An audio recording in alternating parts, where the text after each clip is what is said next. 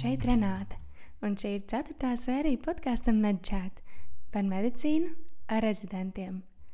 Šoreiz runāsim par vispārīgo ķirurģiju ar 5. gada rezidentu doktoru Artūru Truškovu. Artūrs ir uzaugusi ārstu ģimenē, tomēr tas viņu nav atstādinājis specializēties gan emocionāli, gan fiziski grūtā medicīnas nozarē, vispārīgajā ķirurģijā. Artūrs pastāstīs vairāk par ritmu ķirurģijas nodaļā, kas notiek operācijas zālē. Pieskarsimies arī tādai tēmai kā pacienta nāve un kā ar to sadzīvot. Un, protams, runāsim par pašu rezidentūru vispārīgajā ķirurģijā. Sveiks, Artur! Es um, varbūt gribētu uh, sākt ar to, ka mēs pāris reizes esam pārcēluši mūsu sarunu. Uh, daļai tam dēļ, ka es biju kādu laiku slima, bet daļai arī tam dēļ, ka Tev ir operācijas, operācijas, kurās tev ir jābūt. Varbūt pastāst mums, cik neparedzama tev ir ikdiena, un vai tu, piemēram, pērc biļetes uz koncertiem vai uz teātra izrādēm, vai tu esi atmetis ar roku, zinot to, ka tu potenciāli varētu netikt. Es esmu to pārcēlis kādas trīs vai četras reizes, tāpēc es esmu laikam tas, tas tiešām ar kuru visgrūtāk ir atrast to laiku, kad ar mani parunāt un tā. Bet, eh, nu jā, nu, ikdiena ir tāda neparedzama, jo būtībā ir tā, ka mums tas darbs, eh, kas mums ir atšķirīgs no varbūt daudzām citām specialitātēm, ir tas, ka mums ne tikai ir tie nodaļas darbi, ka mēs izējam pacients, tur nozīmējam ārstēšanu, rakstām dokumentāciju un tā, bet mums katru dienu ir arī dažādas operācijas, un lai gan mēs operāciju grafikā mēģinam salikt attiecīgi tās operācijas pārsvarā no 8 rītā līdz 4 eh, pēcpusdienā. Tad eh, nu, pārsvarā lielākoties mums nesanāk īsti tam grafikam sekot. Eh, mēs varbūt sākam vēlāk, jo mums ievelkas 5 minūtes. Mēs varbūt beidzam operācijas vēlāk, nu, piemēram, kā pagājušajā reizē, kad mēs pārcēlām tikšanos, kad es darba dienu pabeidzu pulkstenes astoņiem vakarā. Jo tīri mēs, mēs nevaram zināt, kas notiks tajā operācijā, kāda būs tā situācija, kad mēs operēsim, cik raiti mums ies uz, mums ies uz priekšu un tā tālāk. Tā ikdiena ir diezgan haotiska, jo tie darbi parādās teikt, no zila gaisa. Mums tikpat labi var būt arī kaut kāda akūta operācija. Un, protams, ja piedāvā mums kā rezidentiem izoperēt, nu, mēs pārsvarā nesakām nē, un tad, ja vajag, tad paliekam līdz 6, 7, 8, dažkārt vēlāk. Varbūt sāksim no paša, pa, pašiem pirmsākumiem. Kāpēc tu esi medicīnā, Artur? Es esmu ārsta bērns. Mans tēvs bija ķirurgs, transplantologs, kādreizējās baltransplantu nodaļas vadītājs. Mana mamma ir ginekoloģe, viņa ilgstoši strādāja Stradiņas slimnīcā, tagad viņa ir pārvir, pārvirzījusies uz privāto medicīnu, vai, vairāk uz reproduktoloģiju un, eh, un strādā ar eh, IVF metodēm. Un mans patēvs, kurš piedalās jau no mazotnes manā audzināšanā, viņš ir ķirurgs, viņš ir šobrīd Stradiņas slimnīcā akūtās ķirurģijas virsārs, tāpēc nu, mani tie pirmsākumi varētu būt diezgan neinteresanti, tīri domājot no medicīnas puses katru vakaru būtībā mēs sēdējām pie vakariņu galda jau no mazotnes. Es atceros tās sarunas par vecāku ikdienu, ka, kā tev gāja darbā, vai man bija tāds un tāds pacients, tāda un tāda operācija, vai nu, nu, man bija tāds interesants gadījums un tā tālāk. Un, protams, klausoties to, nu, man uz, uzreiz parādījās tā interese par medicīnu, un ko esmu redzējis arī bieži vien tādās ārstu ģimenēs, ka ir divas galējības. Ka, uh, ir vai nu bērni, kurus, kurus tiešām ievelk tās sarunas, un viņa neko citu nevar iedomāties. Nu, viņam jau mazotnē tur, nezinu, tur otrajā, trešajā klasītē uzprast, ko, ko viņi grib darīt. Viņi grib kļūt par mediķiem. Bet līdzīgi arī mana māsa, jaunākā māsa, viņa ir eh, šobrīd uh, otrajā klasē. Tad, kad viņa beidza bērnu dārzi, tur visiem bērniem jautāja, ko jūs gribat darīt nākotnē. Kas tur nu, parasti tās, tās uh, profesijas, ko izvēlas. Ja es gribu būt policists, es gribu būt ugunsdzēsējs, kāds tur grib būt prezidents. Un tā mana māsa uzreiz teica, ka viņa grib būt ārsts. Ja? Tāpēc no nu, mani bija ap, aptuveni tāda pati situācija. Bet no otras puses, man ir vairāki paziņas, draugi, kuri arī nāk no eh, mediķu ģimenēm, bet izvēlējās pavisam citas specialitātes. Viņi uzreiz pateica, ka nē, tas nav man, un tā ir tā otrā galējība, kur cilvēks mēģina sevi pēc iespējas vairāk distancēt prom no medicīnas, jo tomēr saprot, ka tas laikam nebūs viņa ceļš. Bet nu, mans ceļš, jā, tas eh, ne, nebija tā, ka es būtu to ceļu pirmo reizi izgājis un tāds, kā teikt, ledlaus vai tā, bet uh, man to ceļu parādīja mani vecāki, līdz ar to es arī esmu, arī esmu te. Jā, un tev arī tā sfēra droši vien ar visām sarunām un uh, par pacientiem un operācijām pašam droši vien ļoti tuva un uh, daudz pašsaprotamāka nekā, piemēram, citas sfēras. Tā arī bija, jo mums jau pārsvarā, kā, kā ārsti ģimenē, mums nekāds tāds normāls sarunas pie vakariņu galda nebija. Mums nebija tā, ka mēs tur parunājam par kaut kādām, nezinu, jaunām filmām, kas iznāca kino vai, vai, vai, vēl kaut ko. Mums pārsvarā visas tās eh, sarunas bija ap medicīnu, kamēr es vēl mācījos skolā, tad pārsvarā par to runāja vecāki. Bet tikko es iestājos universitātē, tagad rezidentūrā, un tā, tad nu, mums tās, es, es jau arī aktīvi piedalos tajās sarunās. Man uh, brālis un māsa, nu, man kopumā ir uh, divi brāļi un divas māsas, un uh, tā, tā teikt, vidējie, tad uh, brālis ar māsu, viņi ir uh, trešajā uh, kursā medicīnas fakultātē, tāpēc viņi jau arī pamazām sāk tajās visās sarunās piedalīties, tāpēc mums tās tie ģimenes sajieti un tam līdzīgi vienmēr ir vairāk medicīna, ka tur kaut ko pastrīdamies savā starpā, kā varbūt bija labāk jādara īpaši es ar, ar patēru, ņemot vērā, ka mēs abi divi esam ķirurgi. Un tad māma cenšas mūs tur nomierināt, lai mēs tur īpaši tajās uh, diskusijās uh, neiesaistamies viens ar otru. Bet, uh, bet jā, nu, mums parastu saruna nav. Un, eh, protams, arī patīk dalīties tajos, tajā pieredzē, tajos eh, interesantākajos gadījumos, varbūt parādīt arī pie tā paša vakariņu galda, ko citi ģimenes locekļi, piemēram, Omendu, pavisam nesaprot. Mm. Bet, nu, toties mazākajai māsai vienmēr jautā, kad mēs parādām kaut kādas foršas bildes gan Veronika, gan Mikus, eh, gan uh, Māris. Visi kā viens teica, ka viņi iestājās pirmajā kursā medicīnā. Viņi zināja, ka viņi būs par ķirurģiem. Bet neviens pašlaik nav šajā rezidentūrā. Pastāst, kā bija ar tevi? Jā, es, es, es īstenībā arī ļoti ar tā, tādu entuziasmu paklausījos podkastus ar, ar Miku, ar Veroniku, ar, ar Māri. Un, Un es, es uzreiz pamanīju, ka katrā tajā podkāstā bija tā saruna par ķirurgiem, tāpēc man prieks, ka es beidzot pievienojos kā ķirurgs un varu izstāstīt no savas puses to stāstu. Bet jā, bet tu vari iedomāties, ka, piemēram, nu, es, es jau iestājoties, es zināju, ka es gribu iet uz ķirurģiju. Tāpēc nu, man tīri tā darbošanās ar rokām, operācijas un tam līdzīgi, nu, man tā nav nekāda sveša lieta tīri runājot arī no pieredzes puses, es sāku strādāt, nu tā teikt, piestrādāt slimnīcā, manuprāt, kad man bija 13 vai 14 gadi. Es pavasarām sāku iet uz ķirurģijas nodeļu, sākumā kā tāds zināmā mērā kurjeris, pēc tam kā sanitārs, pēc tam strādāju arī operāciju blokā un tā, tāpēc, ka jau no sākta gala manī bija ieprogrammēts, ka man jābūt ķirurgam, bet uh, Protams, tad, kad es uzsāku savas studijas, tad tiešām tā arī bija, ka, kur tu, kam tu neuzprasi, tad meitenes gribēja būt ginekoloģis, čaļi gribēja būt ķirurgi, nu, pārsvarā tad tā teikt. Tad es uzreiz tā skatījos no malas un domāju, kāda man šausmīga konkurence. Jā, jo es, es skatījos, ka tik, tik gudri un, un centīgi cilvēki ar pilnu ar pilnu maisu ar zinātnēm un tā tālāk. Ot, visi grib būt par ķirurgiem, un es domāju, kur es šajā kompānijā iedaros. Ja?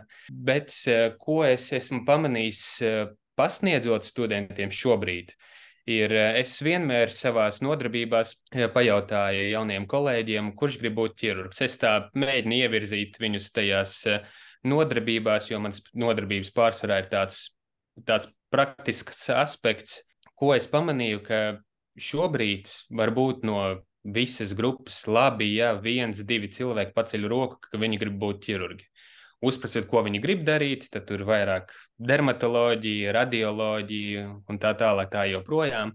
Bet uh, pa šiem gadiem, ko esmu rezidentūrā, es pie piektajā gadā, tad pa četriem gadiem, pāris mēnešiem, nu, tā situācija ir kardināli mainījusies. Ka, ja agrāk puskurs gribēja būt ķirurgi, tad tagad nu, es vai nu viņi vienkārši man kā pasniedzējiem to nesakalēs, piemēram, nu, nesākt saukt viņus ar kaut kādiem grūtākiem jautājumiem.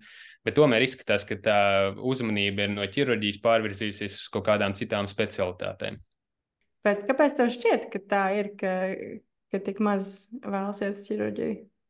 Es domāju, ka mūsdienās tomēr uh, liela daļa cilvēku, nu, kopumā runāt ne tikai par medicīnu un tā, bet uh, kopumā skatās uz uh, to, lai būtu laiks ģimenei, lai būtu pietiekami labi apmaksāts darbs, tas uh, work-life balance, tā teikt. Mm -hmm. Jā. Runājot par ķirurģiju, nu, tur ir grūti dabūt to work-life balance, jo ir daudz citas specialitātes, kur, piemēram, tev nevajadzēs varbūt tur braukt uz pusseptiņiem no rīta, lai apskatītu pacientus. Tev nebūs jāpaliek līdz astoņiem, deviņiem un tā, piedaloties kaut kādās operācijās, akūtās operācijās un tā.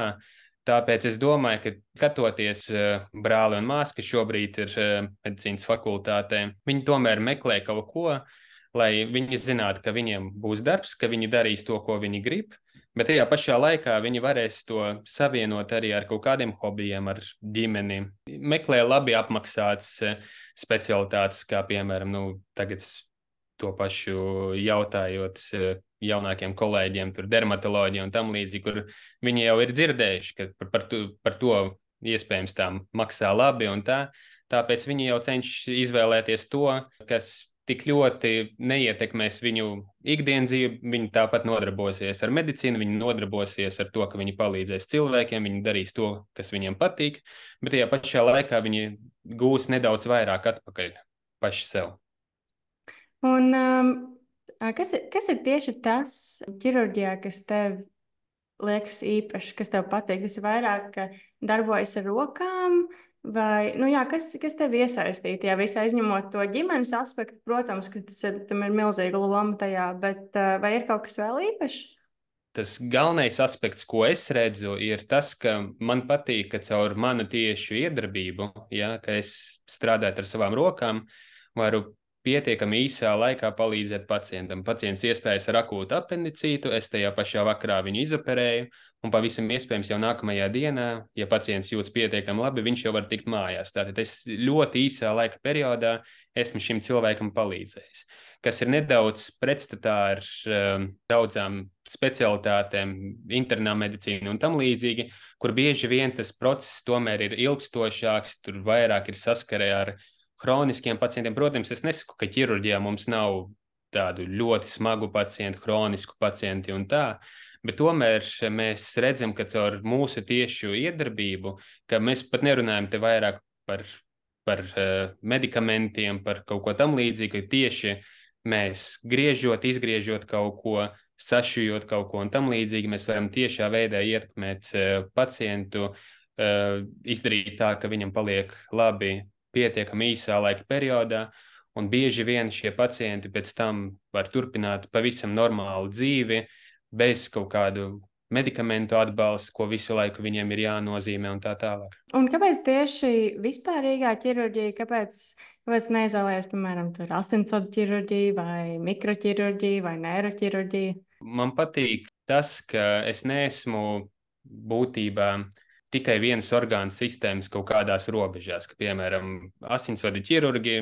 Tad, kad es sāku strādāt uzņemšanā pirmajā gadā, man likās ļoti dīvaini, ka mūsu asinsvadu ķirurgi nenodarbojas ar vēnu patoloģijām. Es tur pirmajā gadā nu, neko nezinot, un tā zvanu, ka man pacients ar dziļo vēnu trombozi, zvanu asinsvadu ķirurgam. Viņš saka, oi, nē, mēs ar vēnām nenodarbojamies. Mēs nodarbojamies tikai ar artērijām. Tāpēc eh, tas pats arī sirds ķirurģija. Nu, sirds kā orgāns tas ir ļoti, nu, protams, nozīmīgi un tā, bet man patīk vispārēji ķirurģija ir tas, ka mēs ieejam kā pirmā gada rezidenti un mēs izējam cauri kolorektālai ķirurģija, endokrīnai ķirurģija, krūts ķirurģija, proktoloģija, tad trūču ķirurģija, hepatobiliārai ķirurģija, augšējā gremošanas trakta ķirurģija un tā tālāk. Un beigu beigās mums ir tā iespēja pašiem izvēlēties, ko mēs, kur mēs sevi tālāk redzam. Protams, tu vari būt kā vispārējais ķirurgs, nu, pilnībā pēc tās definīcijas, ka tu vari ikdienā operēt trūcis, vari operēt žultspūšļus un tā tālāk, bet tu pēc tam citi izvēlas specializēties, ka, piemēram, kāds izdomā, ka viņš tomēr sevi vairāk redz kā krūts ķirurgs, cits sevi redz kā endokrīnais ķirurgs. Cits tomēr nolem nodarboties vairāk ar onkoloģiju, ar kolorektālo ķirurģiju un tajā pašā mērā ar onkoloģiju, ar proktoloģiju. Tāpēc man zināmā mērā uzrunāja tā brīvība, ka es varu operēt ļoti daudz ko, un pa šiem pieciem gadiem rezidentūrē es varu izvēlēties arī to, kas tiešām man interesē, ar ko es gribētu saistīt savu profesionālo darbību arī tālāk. Bet, ja, piemēram, ja vēlas specializēties endokrinoloģijas, ķirurģijā, tad um, jūs to darat pēc rezidentūras beigšanas vai tieši jau rezidentūrā? Kurā mirklī tas notiek? Jā, ne šeit ir tāds, eh, tāds aspekts, kas mūs nedaudz atšķir no daudzām citām valstīm, jo, piemēram, ASV un, tā, un Vācija un tā tālāk. Viņiem ir tā, ka tu pabeidz rezidentūru, un tālāk tev ir tā saucamais fellowships, kur tālāk es izvēlējies to specializāciju, kur tālāk gribi iet, vai tā ir kolorektālā, hepatobiliārā ķirurģija vai tam līdzīgi. Un tad tu vēl pavadīji tur divus, trīs gadus un tam līdzīgi tīri specializējoties šajā aspektā. Toties uh, Latvijā mums tāda kā fellowshipa nav ka, ja mēs izvēlamies, ka mums kaut kas patīk, ja mēs esam sevi tur parādījuši, parādījuši, ka mums tas interesē, un tā, ja mēs sev iegūstam vietu kaut kur universitātes slimnīcā vai tā, tad e, mēs attiecīgi uzreiz pēc būtības mēs varam teikt, ka mēs specializējamies tajā kolorektālajā, hepatobiliārā ķirurģijā un tam līdzīgi. E, protams, e, daudzi kolēģi, kas ir pabeiguši rezidentūru un ir tajā pirmajā gadā vai otrajā gadā pēc rezidentūras, viņi saka, ka tā ir tāda zināmā mērā, ka tu esi certificēts rezidents, ja? ka tu it kā esi certificēts ķirurgs, bet tajā pašā laikā tu esi tikai ar vienu kāju iekšā tajā specialitātē, tajā specializācijā, un, un tad tu pildi kaut kādus darbus, ko tev varbūt liek darīt Bet tajā pašā laikā tu dabū arī savus keisus tieši tajās, tajā speciali, specialitātē. Ka, ja tu esi aizgājis uz to kolorektālo ķirurģiju, tev sāk piedāvāt tos kolorektālos pacientus, tev ir pieņemšana un tam līdzīgi. Un pēc kāda laika tu dabū arī savas operācijas tieši šajā lauciņā un tā tālāk. Tāpēc mums nekāda tāda, kā teikt, kopīga apmācība, tāda oficiāla apmācība, lai pēc tam fellowship ietveros mēs kļūtu par tiem speciālistiem e, konkrētajā specializācijā. Mums tāda nav pēc rezidentūras. Bet nu, tomēr tā apmācība notiek, bet tīri tās komandas ietvaros, kurā tu tālāk esi nonācis. Bet, nu, piemēram, jūs arī braucat uz ārzemēm uz tiem fellowships, lai specializētos, vai lielākoties paliekat Latvijā? Protams, ir iespēja arī braukt stažēties ārzemēs. Daudzi rezidenti arī ir ieguvuši tādu iespēju arī rezidentūras ietvaros to darīt. Piemēram, eh, viens labs eh, draugs, mēs esam eh, vienā gadā ķirurģijas rezidentūrā. Viņš bija stažēties Zviedrijā, tīri ar domu uz hepatobiliāro ķirurģiju, uz aknu transplantācijām. Arī viens kolēģis, viņš bija, ja es nemaldos, Itālijā stažēties un tā. Bet šie piemēri ir no rezidentūras. Bet, protams, pēc tam, kad tu jau esi certificēts ķirurgs, tev arī ir iespēja braukt, padziļināt savas zināšanas kaut kādā savā tajā lauciņā, ko tu esi izvēlējies. Bet eh, atkal to es negribēju teikt, ka tas ir pielīdzināms fellowshipam. Ja? Jo fellowships tomēr ārzemēs tas ir nu, divi, trīs gadi, kur tu intensīvi mācies konkrēti tajā specialitātē. Un, un tiešām mācies, ka tu joprojām tevi zināmā mērā neuzskata kā, kā līdzvērtīgu tam, piemēram, kolorektālajam ķirurgam, ka tu esi būtībā kolorektālais ķirurgs in training. Ja?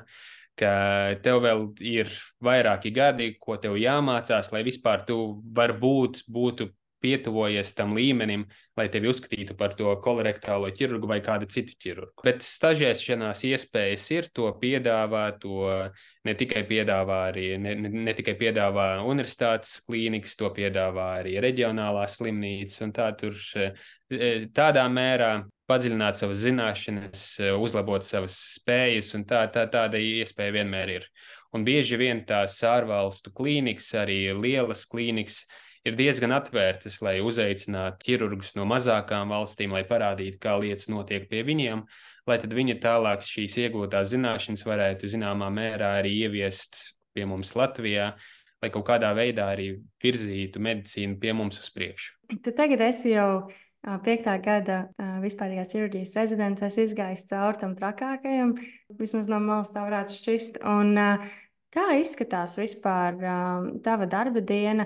Tu atnāc uz darbu, un uh, jums ir 5 minūtes, un jūs uzreiz ejat uz operācijām. Pa kuru laiku jūs sagatavojaties operācijām, kā jūs plānojat? Kas, kas jums tur vispār notiek nodaļā? Jā? Nu, sāksim ar to, cik, cikos es esmu nodaļā. Kā tu domā, cik sāks mana darba diena? Pēc citām nodaļām es domāju, ka ap astoņiem, bet es, man ir aizdoms, ka jūs droši vien jau varbūt pat visu nakti esat tur pēc dažām un non-stop strādājat. Nu, būtībā tā, ka, ja man iepriekš nav bijusi dežūra un tā, tad, nu, ja es biju mājās, eh, atpūties un tā pēdis un ar uh, svaigiem spēkiem varu atkal iet uz jaunu darba dienu, tad uh, pārsvarā es slimnīcā esmu pirms, īsi pirms septiņiem, ka oh. aptuveni pulkstens septiņos es jau esmu pārģērbies skrabos, uh, es sāku iziet savus pacientus. Nu, šobrīd ir tā, ka esmu, tā, ka esmu piektais gads, tad es vairāk skatos tos pacientus, kurus es esmu izoperējis, vai operācijā, tos pacientus, kuru operācijās es piedalījos. Bet, protams, pirmajā gadā bija tā, ka man bija, es biju uzticēts divām mentoriem, un tad man vajadzēja iziet visus pacientus, kas attiecas uz eh, šīm mentorēm. Ja? Tad, eh, un, un, un eh, šīs divas ķirurģis, viņas eh, dežūrēja ļoti daudz, tāpēc, nu, un pārsvarā tie bija akūtie pacienti, tāpēc, nu, no rīta man vajadzēja varbūt iziet cauri 11 pacientiem, paskatīties analīzes, uzpratīt, kā viņi jūtas un tā tālāk. Sākas darba diena, es teiktu, pirms septiņiem, tad ir, kad, kad es izēju cauri tiem pacientiem, mēģinu paskatīties analīzes, ko es biju nozīmējis un tā tālāk. Un par to pacientu gatavošanu uz operāciju ir tā, ka, ja pacients ir uz kaut kādu lielāku operāciju, viņi pārsvarā iestājas dienu pirms operācijas, un tad tajā iepriekšējā dienā mēs jau paskatāmies, vai visi, visas analīzes ir, vai visi izmeklējumi ir. Tad nozīmējam ordinācijas, tātad eh, pacientu sagatavošana, zarnu trakta sagatavošana, piemēram, uz eh, zarnu operācijām, kaut kādas premedikācijas un tam līdzīgi. Eh, toties, ja pacienti iestājas uz kaut kādām mazākām operācijām, viņi pārsvarā stājas tajā pašā dienā. Nu, un tad eh, sanāk tāda skraidīšana, ka tu skaties, eh, skaties datorā, ārsta birojā, vai pacients ir iestājies vai nu. Ej visu laiku pie pacienta koordinātora, prasa, vai šīs pacients ir iestājies, tikko viņš ir iestājies. Tu uzreiz skrien ievākt, ievākt primāros datus par pacientu. Eh, tad mēģināt varbūt sarakstīt to primāro apskati, kamēr pacients vēl nav aizvests uz zāli. Tad mums 7.45 eh, ir mūsu nodeļas 5 minūte. Tad, kad mēs ar nodeļas vadītāju izējām cauri pacientiem, kuri ir nodeļā, tad eh, nodeļas vadītājs jautā, ko mēs ar tiem pacientiem plānojam darīt, darīt, kas notiek šobrīd, un tā tālāk, vai pacients paliek nodeļā, vai mēs viņu rakstām mājās. Tad pulkstenis astoņos no rīta ir klīnikas 5 minūtes. Tad, kad mēs satiekamies ar klīnikas, ar eh, klīnikas vadītāju, ar eh, profesoru, eh, izrunājam, kā noritēja dežūra. Tad dežūra brigāde prezentē gan pacients reanimācijā, akūtās operācijas, kas notika uzņemšanas nodaļā, izējām cauri operāciju plānam uz šodienu, un, ja, piemēram, tā ir nedēļas nogale, tad arī nākamajai nedēļai. Bieži vien, kamēr šī klīnikas 5 minūte notiek, tad jau ir zvans no anesteziologa, ka pacients ir uz galda. tad negaidot, kamēr 5 minūtes beigsies, tad mēs pārsvarā vecāko gadu rezidenti kopā ar jauniem rezidentiem mēs klus, klusītiņām pieceļamies un ejam uz operāciju zāli. Mums, kā vecākajiem gadiem, mums ir tā iespēja, ka mēs pacientu pozicionējam uz operāciju, ka mēs sākam operāciju, un tad kādā brīdī profesors vai certificētais ķirurgs vai tā, tad pievienojas mums pārsvarā tāds. Un tad atkarībā no operāciju skaita uz katru nodeļu, tas var būt. Nu, uz vienu nodaļu tā skatoties, varētu būt pat deviņas operācijas, var 11 operācijas dažādās zālēs kuras notiek paralēli. Tāpēc mums e, jāatrod iespēja, lai uz katru operāciju būtu nodrošināta ķirurga komanda. Tad, ja trūks rezidentu vai nu kāds ir pēcdežūras, kāds ir dežūrā, un tā tad bieži vien mums ir tā teikt. Ieceļojušie rezidenti, e, viesrezidenti, anesteziologi, oftalmologi un tā, kurus mēs arī ņemam aiz rokas un vedam uz operāciju zāli ja mums ir kaut kādi studenti, kuri volontē vai ir attiecīgi e, ķirurģijas nodaļā, tad mēs varētu viņu paņemt arī viņus. E, un e, tad, kad bija problēmas vispār ar rezidentu skaitu, tad gadījās arī tādi gadījumi, ka man, piemēram, ir nodarbība no rīta, es atnāku uz, pie saviem studentiem, paņemu attendenci, tad paskatos, kas ir klātesoši un tā, un redzu, ka, piemēram, divi cilvēki iztrūks, prasu, vai viņi būs vai nē, Un man viņu kolēģi pasaka, ka tur kaut kāds e, ķirurgs e, ieskrēja iekšā mūsu telpā, pateica, kurš grib piedalīties operācijā, un tad mūsu kolēģis aizveda prom.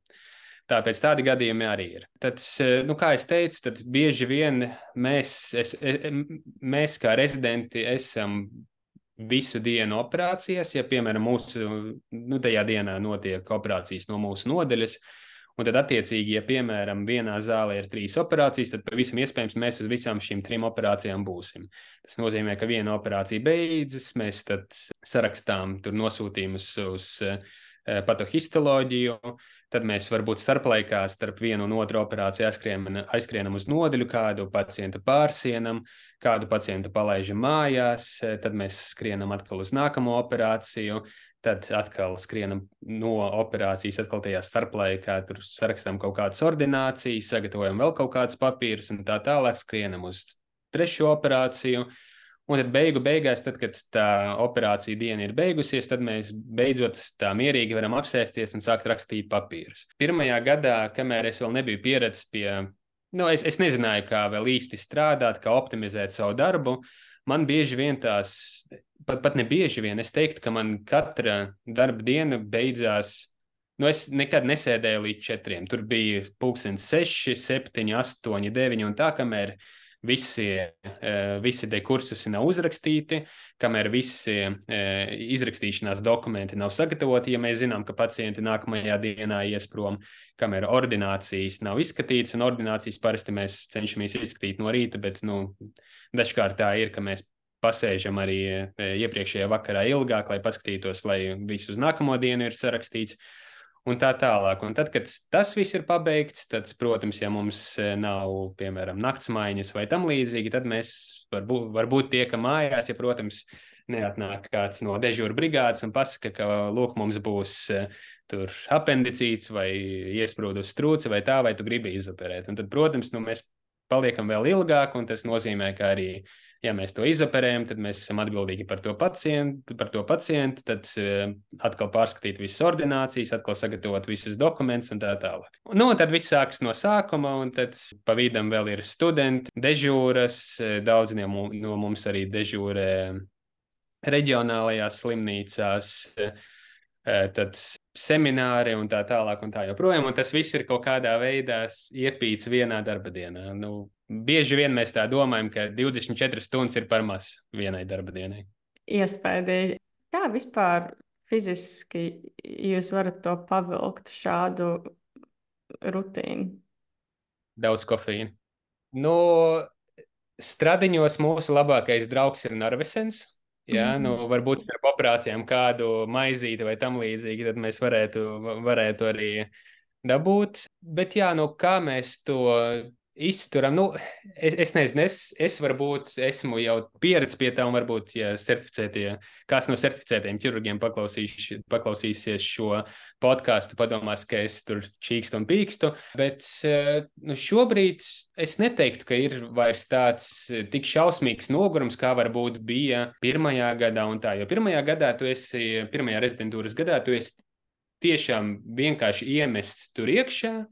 Un tad um, būtībā nu, centies nenoslīgt, tu centies iemācīties peldēt. Bet šobrīd, nu, zināmā mērā, nu, tu, protams, jūti to nogurumu, tāpēc es jau arī smējos par to kofeīna daudzumu, jo kam tur ir mīļākais draugs kafija, kam ir, kā piemēram, man enerģijas dzērieni, kas, kas tur vēl tur kofeīna kapsulas vai tam līdzīgi lieto, vai tā, tīru, kofe, tīru kofeīnu. Bet nu, kaut kādā veidā mēs eh, tam esam pielāgojušies.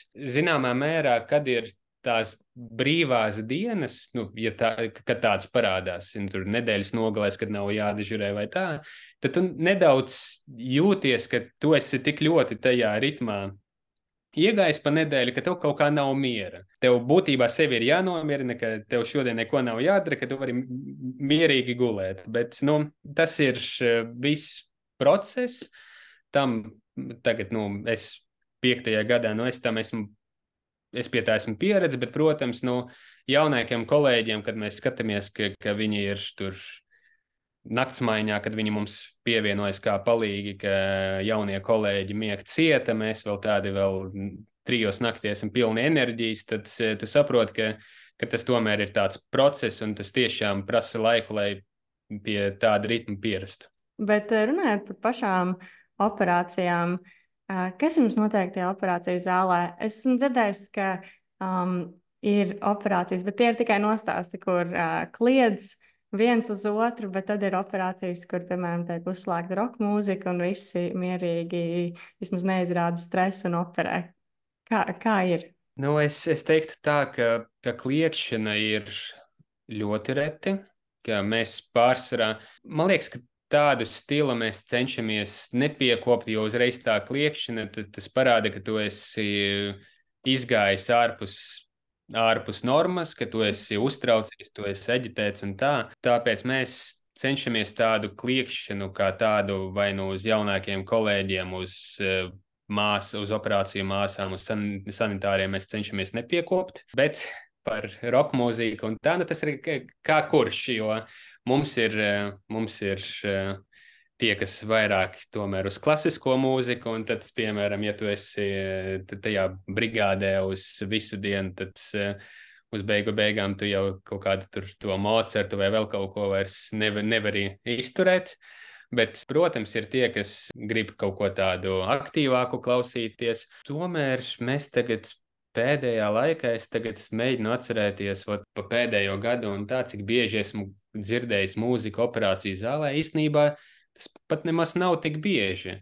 Jā, mēs tomēr pārsvarā esam operāciju, operāciju zālē, mēs kaut kādā zināmā veidā mēģinām viens ar otru arī parunāt tās operācijas uh, laikā. Un tas nav tikai par operācijas gaitu, un tā, protams, tur ir mēs kaut ko cenšamies izstāstīt jaunākajiem kolēģiem, kaut ko pastāstīt, kā labāk būtu jādara. Varbūt nu, uzprasīt, kas tā par struktūru, kas tas par asinsvadu un tā tālāk un tā joprojām. Eh, bet bieži vien tās sarunas operāciju laikā ir diezgan draudzīgas, ka mēs varam tur pajokot, izstāstīt anekdotes, parunāt par ikdienu, kamēr mēs, kamēr mēs operējam. Pārsvarā tā visa gaisotne, nu, es uzskatu, ka ir pietiekami. Nu, es teiktu, 90% gadījumu ir pietiekami pozitīva. Nu, un, protams, ja kaut kas aiziet tiešām tur greizi pa pieskari un tā, tad, nu, varbūt pacelētos toņos tu sāksi dzirdēt, tu vari dzirdēt kaut kādu uztraukumu. Pārsvarā ne no ķirurga tas uztraukums nāk, bet no anestezi anesteziologa. Darbošanās operāciju zālē, nu, tas vairāk ir tā draudzīgi, nevis kaut kā naidīgi, vai ka tur kāds ir labāks par otru, vai kāds ir zemāks par otru. Tā, jo mēs Mēs esam komanda, mēs uh, operējam to pacientu, mēs cenšamies izdarīt visu, lai tam pacientam, lai operācija noritētu veiksmīgi, lai pacientam viss būtu labi. Un uh, tu jau nedaudz pieminēji par anesteziologiem. Tas jau man liekas, ir tādā joku līmenī, bet parasti ir tā, ka anesteziologiem nepatīk kaut ko, ko ķirurgs dara, un tad ķirurgam, piemēram, nepatīk anesteziologs, tur nevar laikā būt operācijas zālē. Kādas jums ir attiecības stradiņos ar anesteziologiem? Nu, es, te, es, es teiktu, tā, ka man, man patīk domāt, ka man ar jaunāko anesteziologu paudzi, kurš, piemēram, ir arī Veronika un tā, es teiktu, ka man ir ļoti labas attiecības. Es ceru, ka arī anesteziologi piekritīs tam, ko es pateicu, bet man ir labi draugi anesteziologi. Un man tas kontakts ar jaunajiem anesteziologiem vienmēr ir tāds, nu, vairāk draudzīgs nekā nekā pat koleģiāls. Eh, protams, varētu rasties tādas domstarpības ar vecāku gadagājumu anesteziologiem, kuri tomēr uzskata nu, pārāki par kaut kādu piektā gada rezidentu. Nu, ar viņiem varbūt tas kontakts varētu būt tāds vairāk, ka labdien, vai jūs, un tā tālāk, un tā joprojām. Bet ar, ar mana vecuma kolēģiem mums tomēr ir, ka pasmējamies par kaut ko tur pajokojam, un tā, un viss ir tā draudzīgi. Bet, protams, nu, ir tie gadījumi, kad anesteziologiem nepatīk kaut kas, ko ķirurgi dara, un mums nepatīk to, ko anesteziologi dara. Nu, kā piemēram, anesteziologi vienmēr prasa, piemēram, nu, cik ilgi jums tajā operācijā ir palicis. Ja? Un uh, to viņi prasa ar mērķi, lai zinātu, cik uh, miorelaksantu vai tam līdzīgi laist. Un tad, piemēram, ķirurgs pasaka, oi, nē, mēs te būsim vēl stundu. Un tad ielaiž miorelaksantu, un ķirurgs pasaka pēc desmit minūtēm, nu labi, mēs esam beiguši. Nu, protams, anesteziologs nebūs priecīgs. Tajā pašā laikā, nu, teiksim, no ķirurga perspektīvas, ka tu esi līdz elkoņiem iekšā pacienta vēdā, un tu ar perifēro redzi, redzi, redzi ka anesteziologs izlien no sava tā, te, tā aizskariņa, tā, ka acis tikai pavīt un seko, ai jūs vēl tur ilgi. Un, nu, tas, tas nedaudz tā, nu, nedaudz uzkurina tās, tās emocijas, bet eh, pārsvarā, nu, es domāju, ka mēs jau to redzam tādā kā joku līmenī. Nu, par, par to, kā ķirurgi ar anesteziologiem strīdas, ka vat, mums nepietiek eh, relaksācijas, un anesteziologs ielaiž tīru ūdeni pacientam, prasa, vai paliek labāk, un ķirurgs saka, jā, tagad daudz labāk. Un tā, bet uh, realitātē, nu, atkal mēs esam komanda. Nu, mēs bez anesteziologiem, jebkurā gadījumā izoperēt pacientu nevarētu. Nu, protams, ja tas nenotiek lokāli anestezijā, bet nu, lielākoties nu, uz lielām operācijām viņi mums ir vitāli vajadzīgi. Tāpēc nu, es uzskatu, ka jābūt pat, pat ja ne draudzībai starp, starp ķirurgiem un anesteziologiem, bet nu, cieņai noteikti ir jābūt. Protams, runājot par uh, pašu rezidentūru, ja, piemēram, es tagad piektajā kursā izdomāju, jāiet uz vispārīgo ķirurģiju. Kas, nu, kas man būtu jādara, lai tur tiktu iekšā?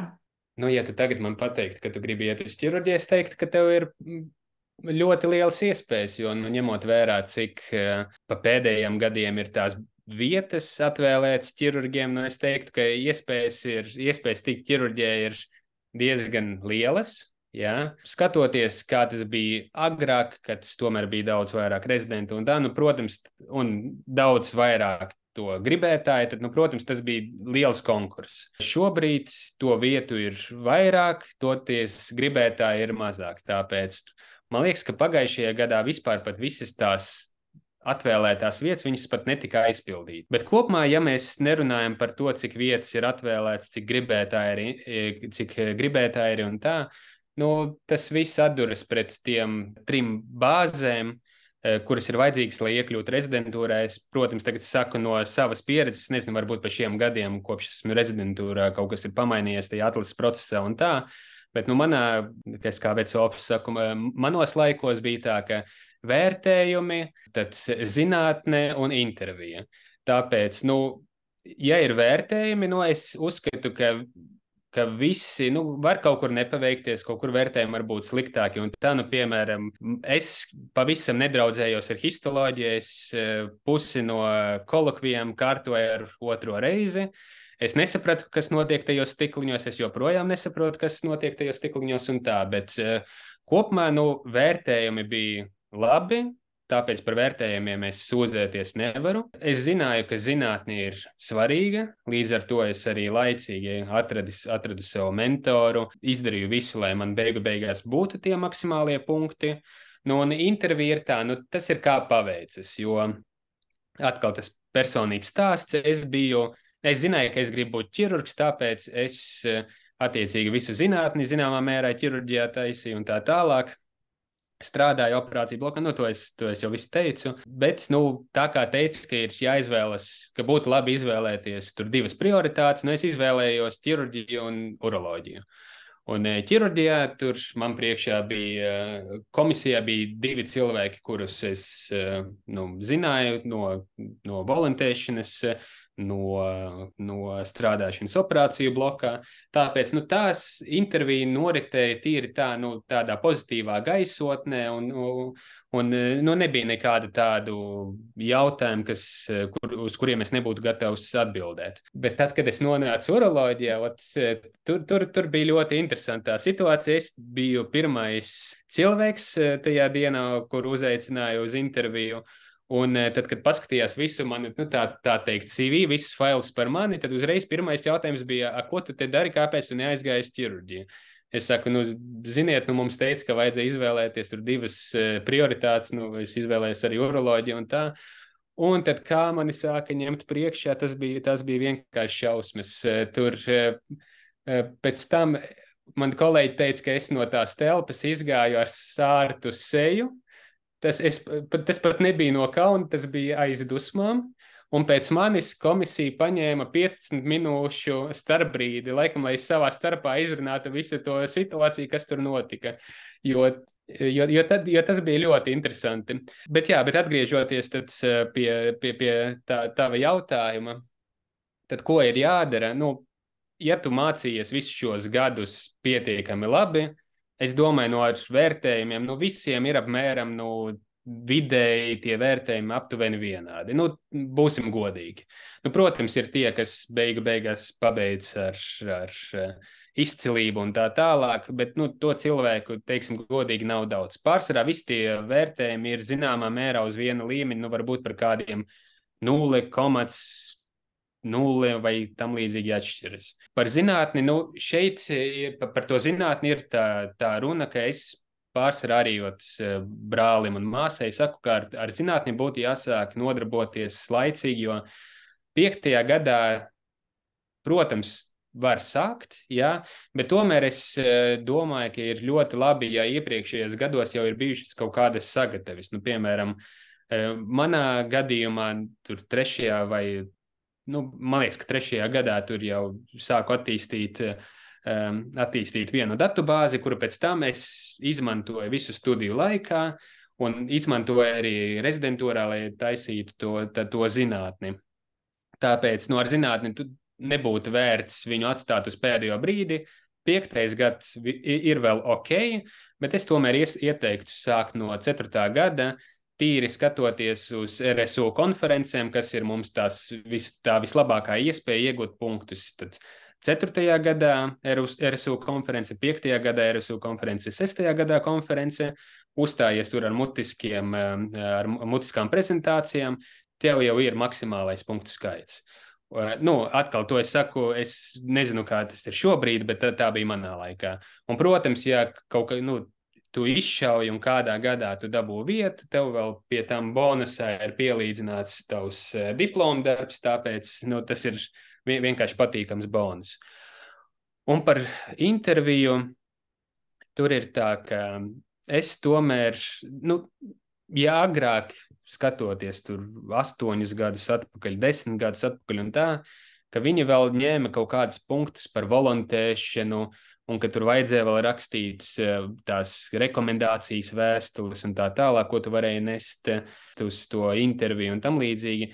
Tad šobrīd, interviju, eh, tad šobrīd tā volontēšana īsti nespēlē tādu lomu no punktu viedokļa, bet toties ar volontēšanu vai arī ar strādāšanu tajā, piemēram, nu, specialitātei, kur tu tālāk gribi nokļūt, vai tā ir, piemēram, nu, ja tu gribi būt pediatrs, tad bērnu slimnīcā kaut kādā tur Eh, pediatrija kaut kādā nodaļā. Ja tu gribi iet uz ķirurģiju, uz vispārēju ķirurģiju, tad operāciju blokā vai nodaļā un tam līdzīgi. Ka galvenais ir parādīt, ka tu tur esi. Jo ja, bieži vien tie cilvēki, kuri tajā nodaļā strādā, un tā, ja viņi redz, ka tu strādā pie viņiem, viņi jau tevi atcerēsies tajā pašā intervijā, un tad viņi jau būs zinājuši, dzirdējuši kaut ko par tevi, ka tu esi, esi strādājis pie viņiem. Tāpēc viņi būs arī tādi, nu, neteiksim, maigāki pret tevi tajā intervijā, bet tomēr viņiem būs lielāka tendence ielikt tev labākus arī vērtējumus intervijā. Nu, tas ir tas plāns, kuram es sekoju, lai, lai nokļūtu rezidentūrā. Nu, ņemot vērā, ka es nokļuvu tur, kur es gribēju nokļūt, tāpēc ne, es domāju, ka mans plāns tīri labi arī nostrādāja. Bet runājot par volontēšanu, kā tu ieteiktu tieši vispārīgajā ķirurģijā iet labāk pie rezidentiem, piemēram, pie tevis, vai iet jau pie profesoriem vai certificētiem ķirurgiem?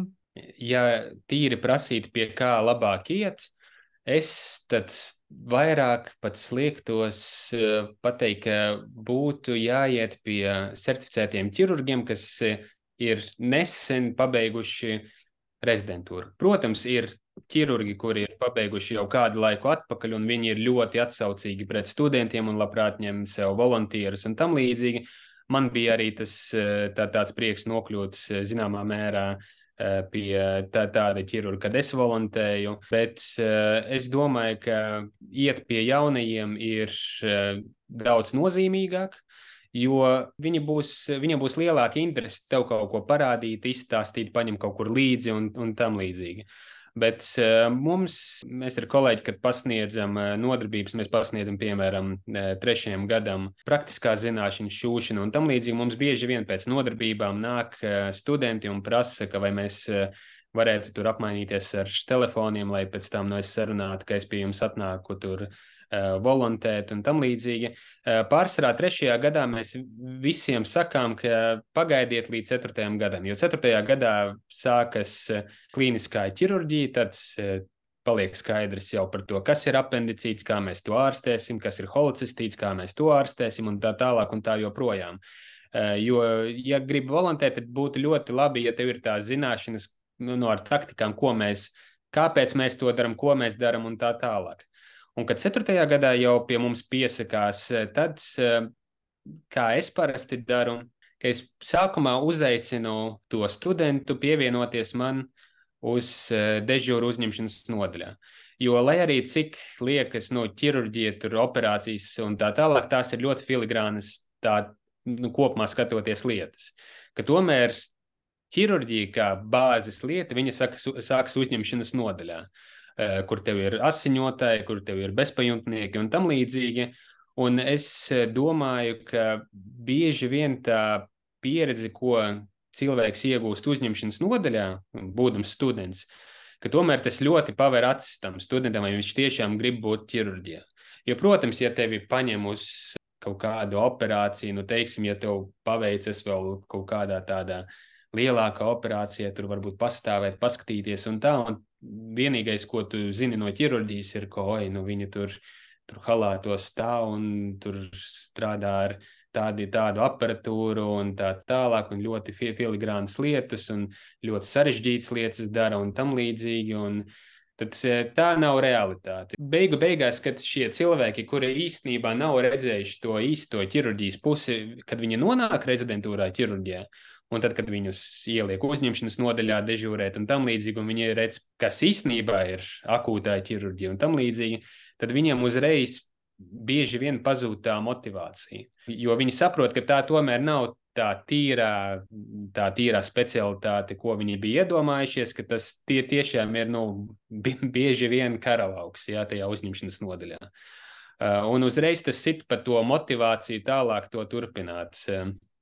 Tāpēc ja es redzu, ka cilvēks nāk pie manis uz uzņemšanas nodeļu, uh, ir, piemēram, nu, es, ir parādījis, ka viņš eh, spēja turēt līdzi uzņemšanas nodaļā, ka esmu iedevis jau kaut ko uzņemšanas nodaļā, vai nu uzgriezt, vai nu uzšūt, vai tam līdzīgi.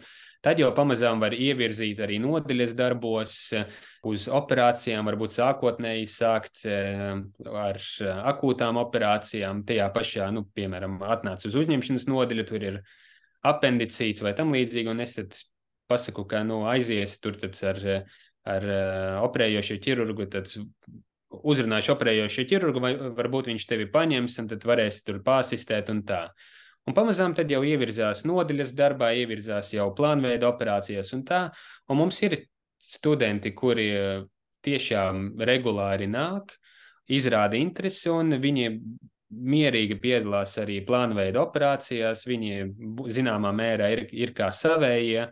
Tad, nu, tādiem arī ir tās lielākās iespējas arī pēc tam, nu, zināmā mērā iekļūt tajā, tajā rezidentūrā. Runājot par jā, dežūrām un uzņemšanā, nereti īpaši pirmā gada rezidentiem ir bailes par to, ka es nonākšu uzņemšanā un būšu viens pats. Vai tā mēdz būt?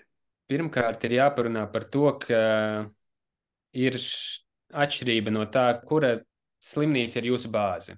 Mm -hmm. Jo, attiecīgi, nu, divas galvenās bāzes, kas mums ir, ir tas ir Gailezers un tie ir Stradiņi.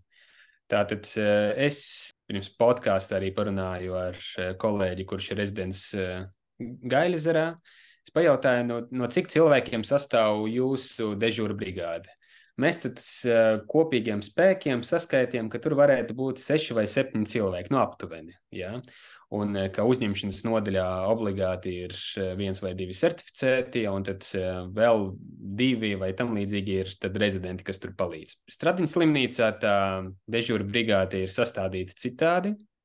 Mēs esam trīs cilvēki, Mums ir eh, pirmajā pozīcijā atbildīgais ķirurgs, kurš ir nu, atbildīgs par lēmumu pieņemšanu un attiecīgi piedalās operācijās. Eh, otrais dežurants eh, mums ir tas ķirurgs, kurš ir atbildīgs par konsultācijām slimnīcas ietvaros, pa, pa nodaļām un tam līdzīgi, un arī piedalās operācijās. Uh, Un eh, trešā pozīcija, kur visbiežāk ir eh, rezidenti, tas ir eh, uzņemšanas ķirurgs. Bieži vien tu tur esi viens. Ja? Bet tas nenozīmē, ka pirmajā gadā tu, nezinu, tu oktobrī sāc rezidentūru, piemēram, nu, 1. oktobrī uzsāki rezidentūru, un 2. oktobrī tev kā vienu pašu kā atbildīgo dežūru ķirurgu iemet uzņemšanas nodaļā. Nu, tā, tā nav. Ka pārsvarā, kā bija tad, kad es uzsāku rezidentūru, tad uh, Mēs pāris mēnešus mēs pievienojāmies klāt uh, uzņemšanā pie certificētiem ķirurgiem, kuri ik pa laiku tur dežūrēja, vai arī pie vecākiem rezidentiem. Viņi mums izstāstīja, kā tas strādāt ar uh, visām slimnīcas programmām, kā tad izmeklēt pacientus un, un tā tālāk. Nu, tajā laikā tur, tur vēl bija nedaudz, nedaudz tā, pat neteiksim grūtāk, bet, uh, nu, lai, lai ieskicētu, uh, mēs ar kolēģi sākām dežūrēt eh, uzņemšanas nodaļā, kā būtībā solo tā, tāds dežūras eh, decembrī. Ja? Kad decembrī mēs vēl izlūdzāmies, ka mēs eh, viens otru tur pieseksim, ka mēs divatā iesim. Ja? Nu, tas ir, lai atkal uzskicētu, ka oktobrī mēs sākām rezidentūru, decembrī mēs jau divatā tur divu pirmā gada rezidenti sēdē, sēdējām uzņemšanā. Uh, ka, protams, mēs varam zvanīt tur certificētiem, lūgt padomu un tam līdzīgi, bet nu, tāpat uz vietas tu esi viens pats. Un tad pēc mēneša mēs tur bijām kārtīgi norāvuši ar ar eh, čomu tās dežūras. Un, um, tad mums pateica, ka viss, ka tagad strādāsiet vienīgi. Tāpēc janvārī mēs jau bijām dežūra ķirurģija uzņemšanas nodaļā ar visu pacientu, ar akūto pacientu plūsmu, ar visām konsultācijām un tā tālāk un tā joprojām. Šobrīd tā situācija ir nedaudz citāda. Pārsvarā pirmā gada rezidents vairs tik agri kā, piemēram, mūsu uz to uzņemšanu vienītī nedzina. Paskatoties pagājušajā gadā, tad uh, viņiem ilgstoši gājām palīgā tur vecāko gadu rezidentiem, certificētiem ķirurgiem gandrīz līdz, nu, būtībā, man liekas, līdz pavasarim. Un tad, uh, tad, kad jau viņiem pateica, ka viņiem būtu jāsāk dežūrēt kopā, viņi visu atlikušo gadu nostrādāja divatā. Tas nozīmē, ka divi pirmā gada rezidenti. Nu, tomēr nu, tas ir pavisam citādi nekā, ja tu tur, tur esi viens jā, tad tur eh, vismaz viens otru jūs kaut kādā zināmā mērā varat atbalstīt. Mm. Uh, un, uh, Šogad, šī gada pirmā gada rezidenti, viņi joprojām staigā pie mums. Viņiem ir attiecīgi dežūra skaits, kuru, kurus viņiem ir jāpaņem. Un viņi tad staigā vai nu pie mums, vai nu pie certificētiem ķirurgiem, un tad viņi mācās, ko tad mēs darām tajā uzņemšanas nodaļā. Nu, protams, nu, Nav tā, ka tas ir tīri apmācības process, kur viņi sēž ar pierakstu grāmatiņām un tā, un mēs viņiem visam, visu, visu sākam priekšā. Mēs viņus redzam kā palīgus. Tāpēc atved pacientu, tu pasaki, aizēji, izrunājies ar pacientu, pēc tam atnāc izstāsti, ko tu domā. Tad eh, tā apmācība uzņemšanas nodaļā eh, norit eh, tā. Nu, protams, tā pacientu plūsma ir diezgan liela, ka varbūt mierīgākas dežūras, varbūt, nu, kad, piemēram, pa visu dežūru ir kādi 18 pacienti vai tā, nu, pa 24 stundām. Nu, to es uzskatu par mierīgu dežūru.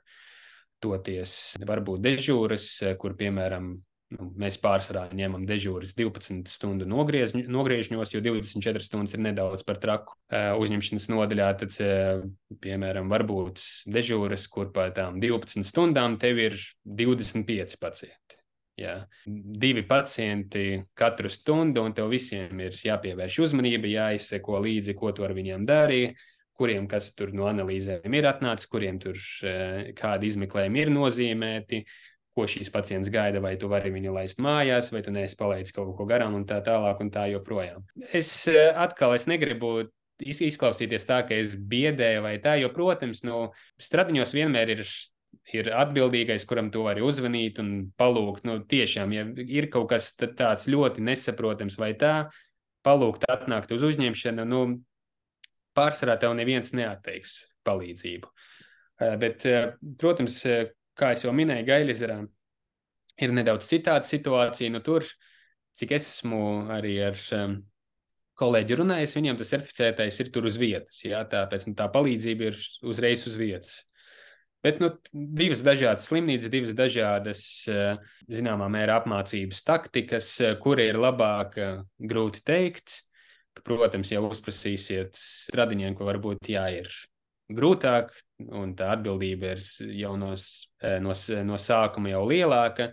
Bet varbūt mēs esam tomēr ar lielāku, zināmā mērā, pieredzi pēc tiem pieciem gadiem, un tomēr nu, varam arī mierīgāk pieņemt eh, tos lēmumus un tam līdzīgi, tīri ņem, ņemot vērā to, to, to pieredzi. Protams, nu, tas gaļas ar kolēģi varētu teikt atkal pretējo, ka viņiem tomēr tā kā certificēti ir uz vietas, tad tas apmācību process ir kvalitatīvāks un tam līdzīgi. Eh, bet nu, te, te ir grūti spriest, beigu beigās mēs eh, visi esam ķirurgi un mums tā, tā apmācība ir eh, plus mīnus zināmā mērā, tā pieredze un tam līdzīgi ir vienāda. Es neteiktu, ka pabeidzot rezidentūru, kādi rezidenti tur strādiņu vai gaļazeri ir labāki vai sliktāki, un tā mēs esam vienādi. Mums vienkārši tas apmācības stils šajās divās bāzēs ir nedaudz citāds.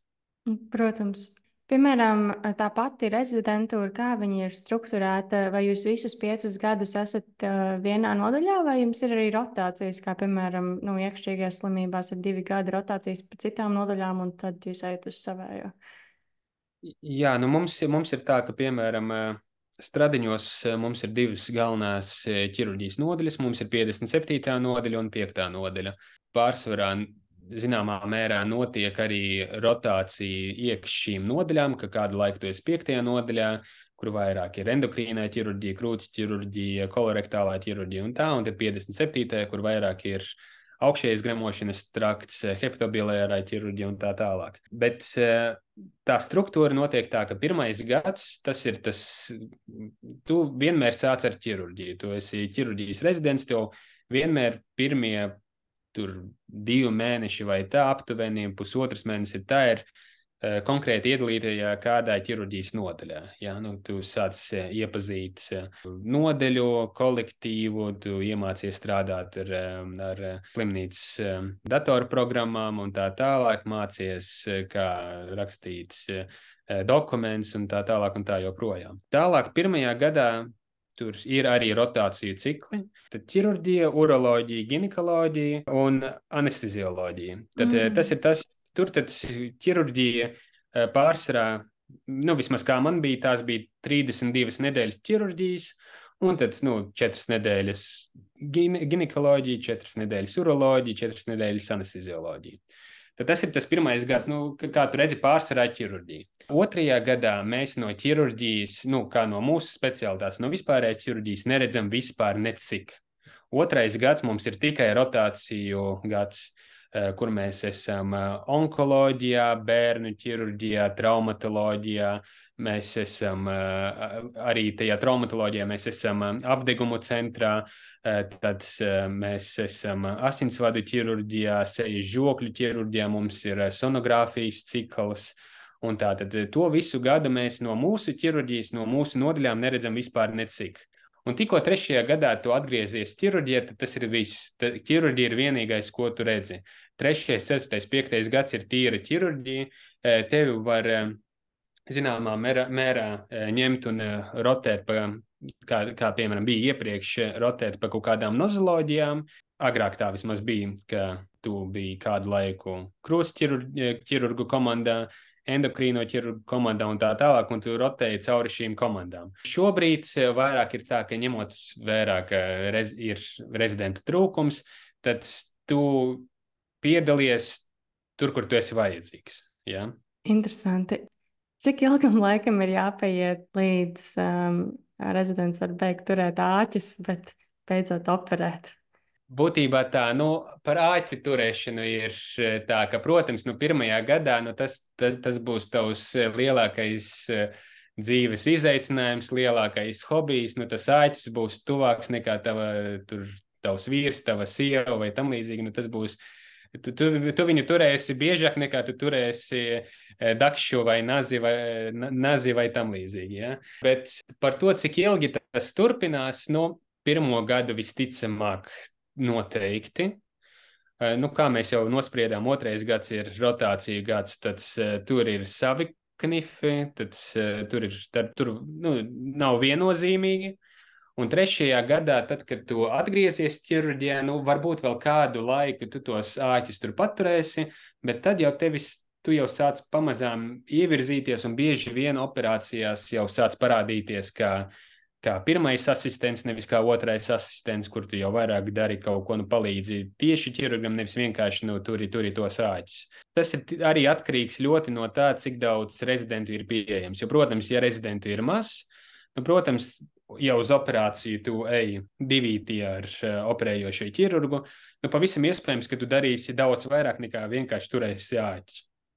Toties, ja tu esi otrais asistents, nu, Tur maz ticams, ka tu darīsi kaut ko citu, izņemot turēsi āķi vai turēsi uh, laparoskopijā kameru vai darīsi ko citu. Ja? Nu, tas, tas, tas, tā ir, bet uh, vai tas ir nepareizais? Uzskatu, ka nē, es domāju, ka tas atkal tas ir ap, apmācības process, un tev ir sākumā jāsaprot, ko tu redzi, pirms, tu, pirms tev ir atļauts sākt grābstīties to kaut ko griezt un tā. Un es gribēju arī pajautāt, varbūt tādu sāpīgāku jautājumu par ko daudz savā starpā nerunā, bet par pacientu nāvi. Es pieņemu, ka droši vien tev arī ir nācies saskarties ar akūtajās operācijās. To, kā tu ar to tiec galā? Nu, teiksim tā, ka tas atkal tas ir process, jā, jo es joprojām atceros uh, pirmo uh, exitusu uh, uzņemšanas nodaļā, kad atkal mēs, mēs bijām uh, uzņemšanas nodaļā uh, divītī ar, ar uh, mani čomu, tad, kad mēs bijām dežūrā. Tā bija veca kundze ar zināmu onkoloģiju, kura bija atvesta kā asiņošana no kuņģa zarnu trakta, ka vienā mirklī mēs redzam, ka viņa sāk apstāties, un mēs tad, nu, kā, kā, kā ārsti, nu, viņu savācām tajās ratos un sākām pa galu pa kaklu vest uz uh, reanimācijas zāli, ka tur pa ceļam piezvanījām reanimatologam un tā. Nu, un reanimatologs atnāk, paskatās pacientas vēsturi un saka, nu, viņai ir 90 gadi, viņai ir izplatīta onkoloģija, nu, ko jūs gribat no manis? Un eh, tad tajā mirklī, tad, kad tā pacienta apstājās un mēs tur izgājām, un tā nu, bija tāda ļoti nu, nepatīkama, tāda nesaprotama sajūta. Ka it, it, it kā nu, mēs, ka, zināmā mērā, mēs jau saprotam to, ka nu, tādā cienījamā vecumā ar tādu diagnozi, nu, visticamāk, nu, tur nu, nav, nav nu, nepieciešams to pacientu mēģināt glābt, un tā, ka tam pacientam jāļauj mierīgi aiziet prom, bet uz to mirkli tomēr tas, tas bija diezgan, diezgan grūti, jo mēs tā, ar tādām uh, tādām ļoti bēdīgām sejām gājām atpakaļ uz savu posteni, un tad mums tur pa ceļam vēl tur tādi pieredzējušāki, tur NMC ārsti un, un terapeiti uzprasīja, ka, nu, ka pirmo reizi, ja, nu, tas, tas, tas, nu, pie tā ir grūti pierast. Nu, protams, ar laiku tu jau sāc nu, nedaudz saprast, ka nu, bieži vien tu tur neko nevar izdarīt. Tomēr tas agri vai vēlu, tas katra cilvēka dzīvē pienāks. Uh, bet uh, par to, kā ar to sadzīvot, nu, tu, tas ir ļoti individuāli. Jo jo man bija, tas bija vai nu otrais vai trešais rezidentūras gads. Man tad eh, bija viena nedēļa, kur, kur man bija trīs vai, man liekas, ka trīs dežūras pa nedēļu. Un katrā dežūrē, dežūrā man uh, nomira uh, viens no maniem uh, pacientiem, nu, ķirurģijas postenī. Un uh, katru dienu, katru dežūru tas notika ar vienu ātrāk un ātrāk. Uh, pirmajā dienā es pārņēmu dežūru, pacients nomira pēc divām stundām. Nākamajā dežūrā es pārņēmu pacients, viens pacients nomira pēc uh, vienas stundas. Un uh, trešajā dežūrā viņš vispār nu, nomira pusstundu pēc tam, kad es biju pārņēmis dežūru. Un, uh, nu, tā, tās visas, jo uz to brīdi tu esi ārstējošais ārsts. Neviens tavā vietā nu, nezvanīs pacienta piedarīgajiem, neinformēs, ka viņu tur tēvs vai māte vai, vai vīrs vai sieva ir aizgājuši aizsaulē, nu to jādara tev.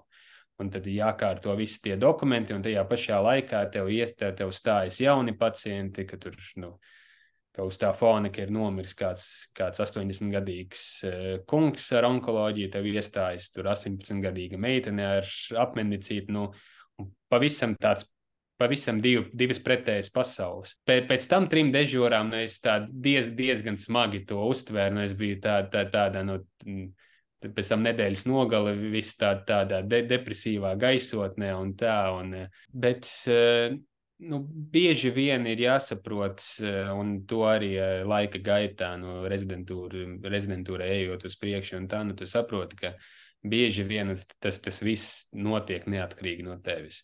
Ka, protams, mēs te nerunājam par kaut kādām ārsta kļūdām vai tā, bet bieži vien tie procesi, kas ir sākušies, ka lai arī cik ļoti tu mēģinātu tam pacientam palīdzēt, un tā, nu, tas vienkārši ir uh, no tevis neatkarīgs, tas ir ārpus tavām spējām kaut kādā veidā to ietekmēt. Un bieži vien tā pielāgošanās ir vienkārši, nu, tad, kad tu saproti, ka ir lietas, kuras tu nevari izmainīt. Nu, un, un, un tad tomēr tas ir nedaudz, nedaudz vieglāk to, to arī pieņemt, pārvarēt un tā, un vienkārši virzīties uz priekšu. Bet pēc tam jau tas vairs nav tik, uh, tik uh, sāpīgi, kā varbūt pirmajā reizē, pirmajā rezidentūras gadā, kad, kā jau teicu, mēs gājām ar tādām bēdīgām sejām, un mums viss prasīja, vai tas būtu, bija mūsu pirmais gadījums. Šobrīd vienkārši ir jāsaprot, nu, tagad jau piektajā gadā, ka ka vienkārši ir citi pacienti, kuriem tu vari palīdzēt un kuriem tev ir jāpalīdz.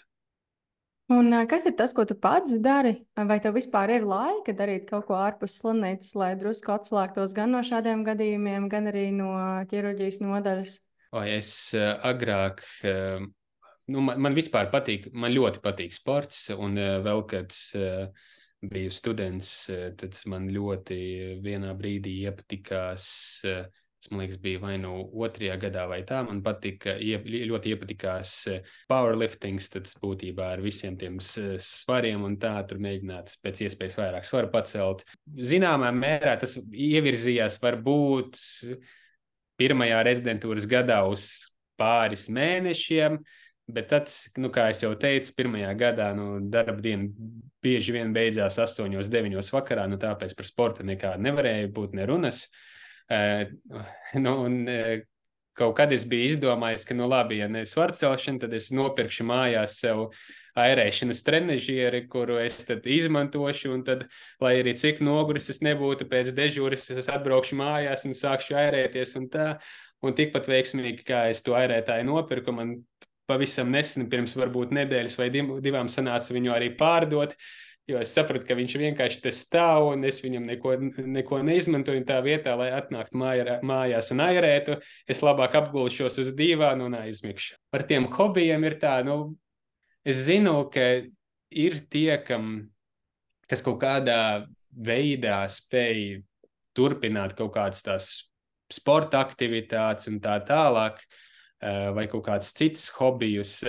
Bet man tas ir diezgan grūti. Man vienīgais hobijs, ko es varētu sev iedomāties, ir tas, ka es atkal, nu, man, mans hobijs šobrīd ir gulēt. Ja? Varbūt pat ne gulēt kā miegā, bet vienkārši apgulties uz dīvāna.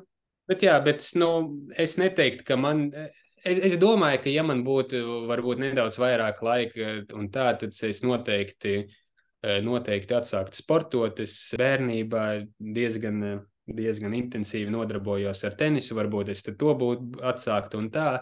Bet šobrīd nu, mans mans, mans tāds hobijs ir vienkārši, ka es sagaidu, vai nu sieva sagaida mani pēc, de, pēc darba, vai nu es sagaidu sievu, un mēs vienkārši paguļam, paskatāmies kaut kādu kino vai paskatāmies kādu seriālu. Un tad tā mēs, arī, tā mēs arī to brīvo laiku pavadām, jo sie, sieva arī ir arī ir ārsts, tāpēc nu, viņai tas grafiks arī ir apmēram tāds pats. Tāpēc nu, mēs zināmā mērā abi divi visu laiku esam konstanti noguruši un tur labāk pa, paēst un paskatīties seriālu, nevis iet un kaut kur tur, nezinu, staigāt un nodarboties ar sportu vai vēl ar kaut kādām lietām nodarboties. Man vēl tāds pēdējais jautājums. Vai tev ir kādas tādas sapņu operācijas, kas tiek veiktas ārzemēs, bet netiek vēl veiktas Latvijā, kuras tu gribētu ieviest vai kādreiz veikt? Mums tagad, nu, kā jau teicu, ka pāris kolēģi bija, bija ārzemēs, tad mēs dzirdējām par pieredzi Zviedrijā. Mēs tagad ļoti gaidām, kad profesors Artūrs Ozoliņš, kas arī bija mans mentors zinātnē, Viņš tagad stažējas ASV, kad viņš atbrauks un izstāstīs par savu pieredzi. Ir ļoti grūti teikt par kaut kādām sapņu operācijām, kuras vēlētos veikt, jo tās operācijas pārsvarā ir vienas un tās, nu, zināmā mērā, nu, tās, kuras man interesē, man interesē kolorektālā ķirurģija. Zināmā mērā viņas ir vienas un tās pašas, bet toties izpildījums, ka tu, piemēram, paskaties, e, paskaties kaut kādos semināros vai paskaties mm -hmm Eh, YouTube ir eh, vairāki kanāli, kurš eh, ārzemju eksperti parāda, kā viņi to dara, un tu skaties, cik filigrāni un cik, cik ļoti tekoši tā operācija notiek. Nu, tas ir vienīgais, ko es, ko es gribētu redzēt arī Latvijā. Nu, bet ta, tas, par ko tā vispār runā, nu, protams, ir robotu ķirurģija un tam līdzīgi, tur Da, da Vinci un tā, bet Eh, cik es dzirdēju no kolēģiem, tad eh, DaVinci kā firma negrib ieiet Latvijā. Vismaz tuvākajā nākotnē, toties iespējams citas robotu kompānijas varētu eh, Latvijas tirgu. Un tad pamazām mēs varbūt redzēt, ka mē, Latvijā arī sāktu attīstīties robotu ķirurģija. No to es labprāt arī, arī piedzīvotu, jo šobrīd mēs esam aizvirzījušies no atvērtām operācijām bieži vien uz laparoskopisko ķirurģiju. Tad agrāk, nu, sākoties rezidentūrai, pārsvarā visas tādas operācijas bija taisītas atvērtā veidā ar lielu griezienu pāri visam vēderam. Toties tagad mēs to varam izoperēt tā mazāk invazīvi, ar mazākiem, mazākiem griezieniem, laparoskopiski. Un tālākais jau būtu ļoti interesanti redzēt, kā tas, piemēram, notiktu ar to pašu robotķirurģiju, bet pirms mēs nonākam, nonākam līdz tam, Es gribētu panākt to, lai mēs būtu bieži vien tikpat tekoši tajā operācijas ritējumā, kā tas ir ar, arī ārzemēs un e, daudzos citos lielos pasaules centros. Paldies, tev, Artur! Paldies visiem, kas klausījās! Es patiesi ceru, ka šī saruna jums noderēja. Jo pēc kāda laiciņa būs nākamā sērija nākamo rezidentu, un līdz tam būšu pateicīga, ja padosiet man ziņu, kas patika, kas nepatika, un uz kādiem vēl jautājumiem jūs vēlētos, lai rezidents atbildētu. Un tad līdz nākamajai reizei. Atā!